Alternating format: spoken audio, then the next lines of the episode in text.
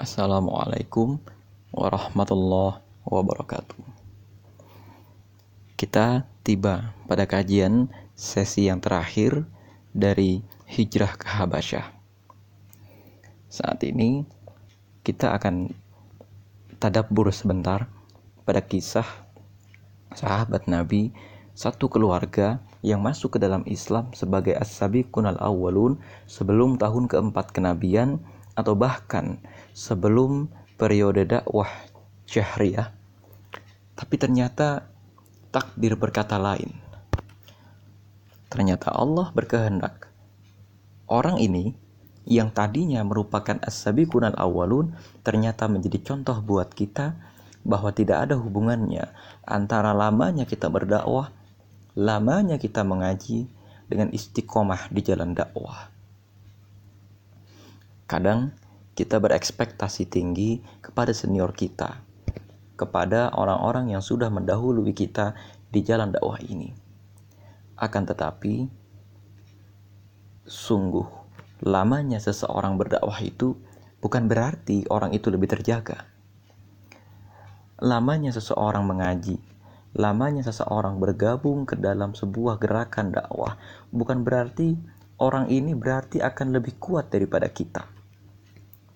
Sebab kisah kita kali ini adalah tentang Ubaidullah bin Jahsy dan Ummu Habibah yang setidak-tidaknya mengandung dua pesan. Pesan yang pertama adalah bahwa yang pertama tadi bahwa tidak ada hubungannya antara lamanya seseorang mengaji, lamanya seseorang di jalan dakwah dengan ketahanannya, dengan istiqomahnya. Dan pesan yang kedua adalah betapa ketahanan seorang akhwat, ketahanan seorang istri ketika sudah menikah, dia ternyata bukan tipe akhwat yang menggantungkan dirinya sepenuhnya kepada suaminya.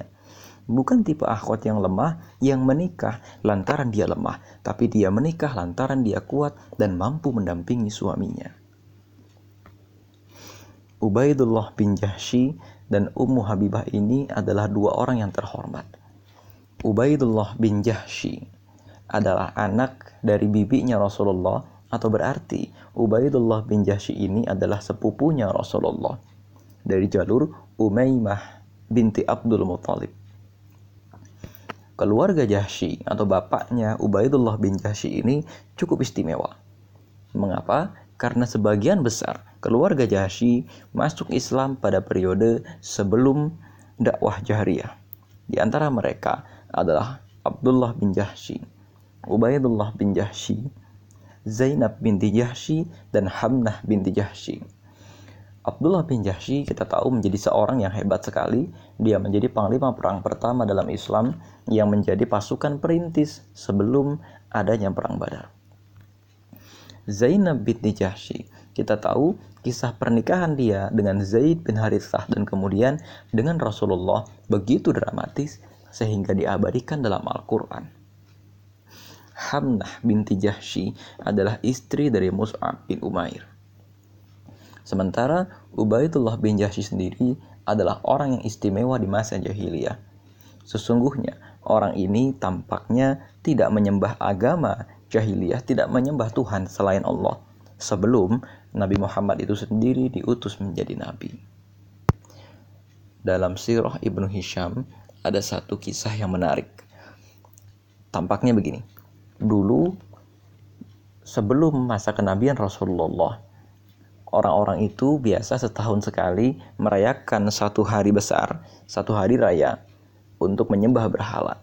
Kalau di zaman kita itu mungkin menyerupai seperti hari di mana kita setahun sekali itu merayakan hari-hari besar. Tapi ini bukan hari besar nasional, ini hari besar keagamaan jahiliyah.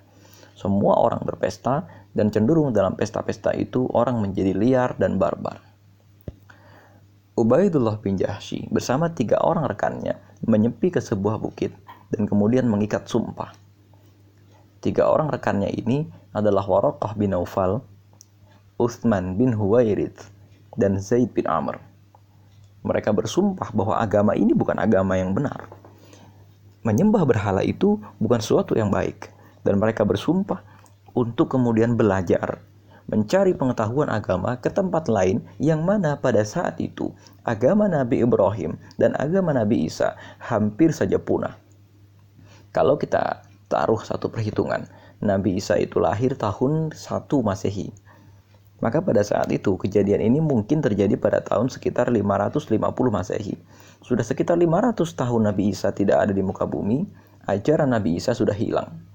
Dan mereka terus mencari, Alkisah ketiga orang temannya itu, itu semuanya menemukan agama masing-masing. Warokoh bin Aufal, kita tahu dia menemukan agama Nabi Isa. La ilaha illallah wa Isa Rasulullah. Zaid bin Amr menemukan agama Nabi Ibrahim. La ilaha illallah wa Ibrahim Rasulullah. Uthman bin Khuwairid ini memeluk agama Nasrani di Habasyah atau di Syam. Jadi agama Nasrani yang dianut oleh Uthman bin Huwairis dan dia temukan itu adanya di Syam. Sedangkan Ubaidullah bin Jahsy ini kelak akan menemukan agama Nasrani tapi dari jalur Nestorianisme. Dia ini agama Nasrani yang tidak meyakini Nabi Isa itu Tuhan. Dan dengan pencarian spiritual yang dalam semacam ini, dia menemukan satu fakta. Seperti juga para sahabat-sahabat yang lain yang masuk Islam pada periode awal ini, bahwa Nabi terakhir akan segera datang. Dan kemudian benarlah, diutuslah Rasulullah di kota Mekah. Nah, dari sini ini memberikan gambaran bahwa tampaknya Ubaidullah bin Jahsy ini bukan orang sembarangan. Dia adalah orang cendekiawan. Di samping keluarga Jahsy ini bukan juga keluarga yang sebetulnya keluarga yang baik. Jahsy ya, ini adalah keluarga yang berasal dari luar kota Makkah. Dan mereka itu kemudian gitu ya berlindung kepada Bani Umayyah karena ada sebuah peraturan keluarga atau orang yang berasal dari luar kota Mekah dan ingin bermukim atau berbisnis di kota Mekah harus mendapatkan jaminan perlindungan dari salah seorang kabilah di sana. Jadi ini seperti kalau kita pergi ke sebuah kampung, harus ada yang bawa siapa. Nah, keluarga Jahsy ini mendapatkan perlindungan dari Bani Umayyah. Bani Umayyah pada saat itu itu dipimpin oleh Abu Sufyan. Ya, di mana ya Abu Sufyan itu pada saat itu punya putri yang namanya Ummu Habibah ini. Jadi Jahsy itu pada saat itu itu punya besan Abu Sufyan ya besannya adalah dari Bani Umayyah ini istimewa karena sudah pasti Bani Umayyah itu kan bani yang besar sehingga tidak sembarangan ketika Bani Umayyah ini memilih menantu atau memilih calon besan apalagi Jahsy sendiri adalah menantu dari Abdul Muthalib ini tidak sederhana karena sudah pasti Abdul Muthalib melihat Jahsy ini bukan orang sembarangan Nah ini latar belakang keluarga dan pemikiran Ubaidullah bin Jahsy yang sudah sangat matang ketika menerima Islam. Bahkan kematangan serupa ini hanya dijumpai pada sedikit sahabat Nabi. Tapi ternyata ini tidak menjadikan dia adalah nanti orang istiqomah. Nah kita beralih kepada sosok istrinya Ummu Habibah. Kisah ini dimulai ketika Ubaidullah bin Jahsy dan Ummu Habibah, satu keluarga ini bersama dengan keluarga Jahsy, keluarga besarnya itu memeluk Islam dan kemudian ternyata ketika masuk fase dakwah jahriyah, Rasulullah berserta sahabat-sahabatnya disiksa dan diusir keluar kota Mekah. Di sini Rasulullah kemudian memerintahkan mereka untuk hijrah ke Habasyah, termasuk Ubaidullah bin Jahsy dan Ummu Habibah binti Abu Sufyan. Sesampainya mereka hijrah di Habasyah, ini mereka kita tahu ikut dalam cerita gitu ya ketika Ja'far bin Abu Talib itu berdebat atau berdiskusi secara diplomatis kepada Raja Najasyi. Di sana mereka hidup bahagia dan mendapatkan pahala hijrah. Seperti kita tahu di surat Az-Zumar ayat 10. A'udzu billahi Bismillahirrahmanirrahim.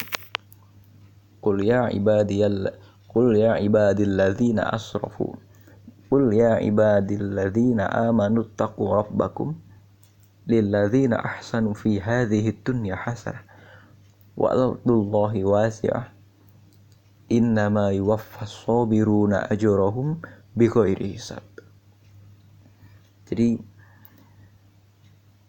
Ubaidullah bin Jahsy itu potensinya besar dia itu termasuk orang-orang yang harusnya mendapatkan pahala hijrah pertama ke Habasyah. Tapi ternyata di Habasyah ada satu kisah bahwa ternyata kemudian Ubaidullah bin Jahsy ini murtad kepada agama Nasrani di sana. Apa yang terjadi? Ummu Habibah tentu saja sedih. Jah Ubaidullah bin Jahsy ini tidak hanya murtad, tapi dia di sana juga menjadi penentang Islam yang kerjaannya itu nyinyir kepada orang-orang Islam. Nah, sampai di sini, apakah Ummu Habibah itu menjadi perempuan yang lemah? Apakah sejak awal ketika Ummu Habibah dan Ubaidullah bin Jasi mengikat perjanjian bayat la ilaha illallah wa Muhammad Rasulullah kepada Nabi Muhammad, apakah Ummu Habibah ini sekedar ikut-ikutan menjadi wanita yang lemah? Atau apakah Ummu Habibah itu meskipun awalnya kuat, tapi ketika menjumpai fakta bahwa suaminya ingkar, suaminya kafir, maka Ummu Habibah ikut kafir lantaran kelemahannya itu? Ternyata tidak. Justru di sini tampak kedewasaan dan kekuatan dari Ummu Habibah. Mengapa? Ini tidak main-main. Ketika Ummu Habibah itu pergi ke Habasyah, dia meninggalkan segala kemewahan yang dimiliki oleh Bani Umayyah. Ayahnya tidak tanggung-tanggung. Ayahnya adalah salah satu pemimpin besar kota Mekah yang kelak nanti sepeninggal Abu Talib dan Abu Jahal. Karena nanti ya Abu Talib itu meninggal digantikan oleh Abu Jahal nanti itu Abu Sufyan yang menggantikan sebagai pemimpin utama kota Mekah. Bahkan Abu Sufyan inilah yang menjadi pemimpin perang Uhud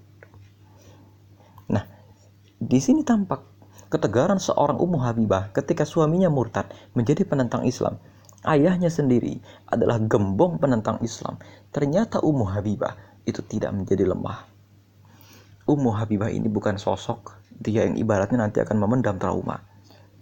Ini bukan cuma bapaknya tidak mengizinkan dakwah. Ini bukan cuma suaminya tidak mengizinkan dia berdakwah. Tapi agamanya sudah beda. Dan Ummu Habibah cintanya kepada Allah melebihi cintanya kepada makhluk. Sudah pasti Ummu Habibah ini mencintai suaminya tapi Ummu Habibah lebih mencintai Allah sehingga dia memilih bercerai. Ummu Habibah lebih mencintai Allah daripada mencintai ayahnya sendiri sehingga nanti Ummu Habibah itu meninggalkan ayahnya. Bahkan keteguhan hati Ummu Habibah ini kelak akan menyebabkan Allah menikahkan dia dengan Rasulullah Shallallahu Alaihi Wasallam. Ya, ini keteguhan seorang perempuan. Jadi memang di satu sisi niat baik Rasulullah itu ingin melindungi Ummu Habibah yang mana saat itu Ummu Habibah itu sendirian di medan rantau di Habasyah pada saat dia berhijrah. Tapi kemudian sebetulnya ceritanya bukan tentang kelemahan Ummu Habibah. Ceritanya bukan tentang seorang perempuan tua, lemah, janda gitu ya, sehingga butuh dilindungi, sehingga kemudian Rasulullah itu segera menikahi Ummu Habibah agar Ummu Habibah tidak terlunta-lunta. Di satu sisi ini benar, tapi kalau kita terlalu mengambil versi ini, maka seolah-olah keluarga Rasulullah itu keluarga yang kasihan dan Rasulullah mengabaikan faktor satu kufu atau faktor kecintaan kepada istri-istrinya. Padahal di sini yang terjadi adalah keteguhan hati Ummu Habibah membuat Allah menganggap Ummu Habibah sekufu dengan Rasulullah. Sehingga Allah menikahkan Ummu Habibah dengan Rasulullah. Suaminya murtad, ayahnya menjadi penentang Islam dan dia jauh di medan dakwah sana di rantau ribuan kilometer jauhnya dari kota Mekah tapi ini tidak menyebabkan keimanan Ummu Habibah goyah sedikit pun nah, cerita selanjutnya adalah ini Ummu Habibah itu ceritanya ada orang yang mengirimkan surat kepada Rasulullah menerangkan keadaan Ubaidullah bin Jahsy dan Ummu Habibah sehingga Rasulullah mengirimkan surat balasan balik kepada Raja Najasyi agar Raja Najasyi menikahkan beliau dengan Ummu Habibah dengan mahar kurang lebih 4000 dirham. Jadi 4000 keping uang perak. Nah, ini yang terjadi. Gitu ya. Nanti keteguhan hati Ummu Habibah ini terlihat pada saat Abu Sufyan itu mendatangi kota Madinah lantaran takut sebab kota Mekah sudah melanggar perjanjian Hudaybiyah. Ketika Abu Sufyan itu main ke rumah Ummu Habibah, Ummu Habibah itu melipat karpet yang biasa diduduki oleh Rasulullah agar ayahnya tidak menduduki kursi itu atau ayahnya tidak menduduki karpet itu. Karena apa? Ayahnya itu najis, kata Ummu Habibah. Tidak pantas musuh Allah menduduki karpetnya Rasulullah. Ini luar biasa. Jadi sejak awal menikah, Ummu Habibah ini sudah punya intelektualitas, sudah punya idealisme, sehingga idealisme ini bahkan menyebabkan dia itu tidak bergantung kepada laki-laki mana pun. Ini yang jadi persoalan. Suami pertamanya murtad, sementara ayahnya masih menjadi pemimpin orang-orang yang menentang Islam. Jadi Ummu Habibah ini bukan orang lemah, apalagi dia ini termasuk salah satu perempuan yang namanya disebut-sebut gitu ya sebagai as-sabiqun al-awwalun. Dan nanti Ummu Habibah itu akan diabadikan dalam surat Al-Mumtahanah. Satu ayat yang menggambarkan dampak dari pernikahan Rasulullah dengan Ummu Habibah. A'udzu billahi minasyaitonir rajim. Asallahu ay yaj'ala bainakum wa bainal ladzina 'adaitum minhum mawaddah. Mudah-mudahan Allah menjadikan kasih sayang antaramu dengan orang yang pernah kamu musuhi. Mawaddah itu kan kasih sayang. Dengan apa? Perantaraannya pernikahan Ummu Habibah dengan Abu Sufyan akhirnya membukakan mata Abu Sufyan bahwa niat baik Rasulullah itu untuk memuliakan manusia, bukan menghinakannya ini nanti jadi pelajaran buat kita bagi kita gitu ya ikhwan terutama lamanya kita berdakwah itu tidak menjadi jaminan kita itu akan bertahan. Karena kisah Ubaidullah bin Jahsy ini sesungguhnya adalah tentang istiqomah. Ada orang bukan cuma lama ngajinya. Ada orang ini bukan cuma tinggi marhalahnya bukan cuma tinggi jabatannya tapi dia itu mendengar Al-Quran langsung dari Rasulullah. Dia itu menyaksikan masa kecil Rasulullah, hidup bersama dengan Rasulullah. Tapi ternyata itu tidak menyebabkan dia menjadi istiqomah. Karena ternyata istiqomah itu tidak ada hubungan dengan siapa guru kita. Bagaimana tingginya marhalah kita. Bagaimana tingginya jabatan kita. Tidak ada hubungannya. Istiqomah adalah sebuah pilihan yang kita mau atau tidak menjalankannya. Ubaidullah bin Yahshi apabila dia bertahan dia berpotensi mendapatkan pahala orang yang hijrah dua kali, yaitu ke Habasyah dan kemudian ke kota Madinah. Ummu Habibah lah yang mendapatkan pahala itu. Yang kedua, Ummu Habibah itu ini menjadi contoh buat kita betapa jangan niat kita itu ketika kita menikah itu kita ingin sama-sama belajar atau kita merasa kita pasti lebih lemah daripada suami kita kita pasti lebih jelek. Kita pasti agama kita itu tergantung dengan agama suami kita. Kalau suami kita baik, kesannya kita juga akan ikut baik. Dan sebaliknya, kalau suami kita buruk, kesannya kita akan ikut buruk. Padahal tidak seperti itu. Ummu Habibah itu bukan utusan Allah. Ubaidullah bin Jahsy itu juga bukan setan. Mereka berdua itu manusia biasa yang bisa salah bisa benar. Tapi Ummu Habibah mencontohkan kepada kita bahwa manusia biasa itu bisa punya ketegaran sejauh itu. Dan bahkan kisah pernikahannya itu diceritakan dalam Al-Quran melalui surat Al-Mumtahanah tadi. Dan dia menjadi ummahatul mukminin. Keteguhan hatinya itu menyebabkan dia pantas dicontoh dan bergelar ibu dari kaum muslimin. Jadi mulai sekarang luruskan niat menikah kita. Niat menikah kita itu memang ya, memang kita bisa beribadah bersama-sama dengan suami kita tapi yang namanya laki-laki itu bisa futur. Yang namanya seorang muslim, agamanya itu naik turun. Dan sebagai seorang muslimah, kalau patokan kita dalam beragama itu orang lain, kecintaan kita kepada makhluk, gitu ya, mengalahkan kecintaan kita kepada Allah, maka insya Allah yang terjadi bukan istiqomah, tapi yang terjadi kita ikut-ikutan. Yang terjadi adalah suami kita futur kita ikut suami kita murtad itu bahkan mungkin kita ikut. Atau bahkan ini yang terjadi fenomenanya sekarang adalah karena banyak aktivis dakwah itu ketika menikah kecintaannya kepada Allah itu kalah dengan kecintaannya kepada makhluk. Dia menjadi bucin itu bahasanya ya. Maka kemudian habis menikah dia hilang di jalan dakwah ini. Dia nanti bisa saja berkelit biasa habis menikah banyak yang harus dilakukan banyak penyesuaian. Nah ini Ummu Habibah ayahnya itu gembong kekafiran. Suaminya murtad. Tapi dia tetap teguh di jalan dakwah, dia tetap bertahan. Sehingga Allah memberikan predikat kepada dia sebagai orang yang pantas dinikahi Rasulullah sebagai ummul mukminin.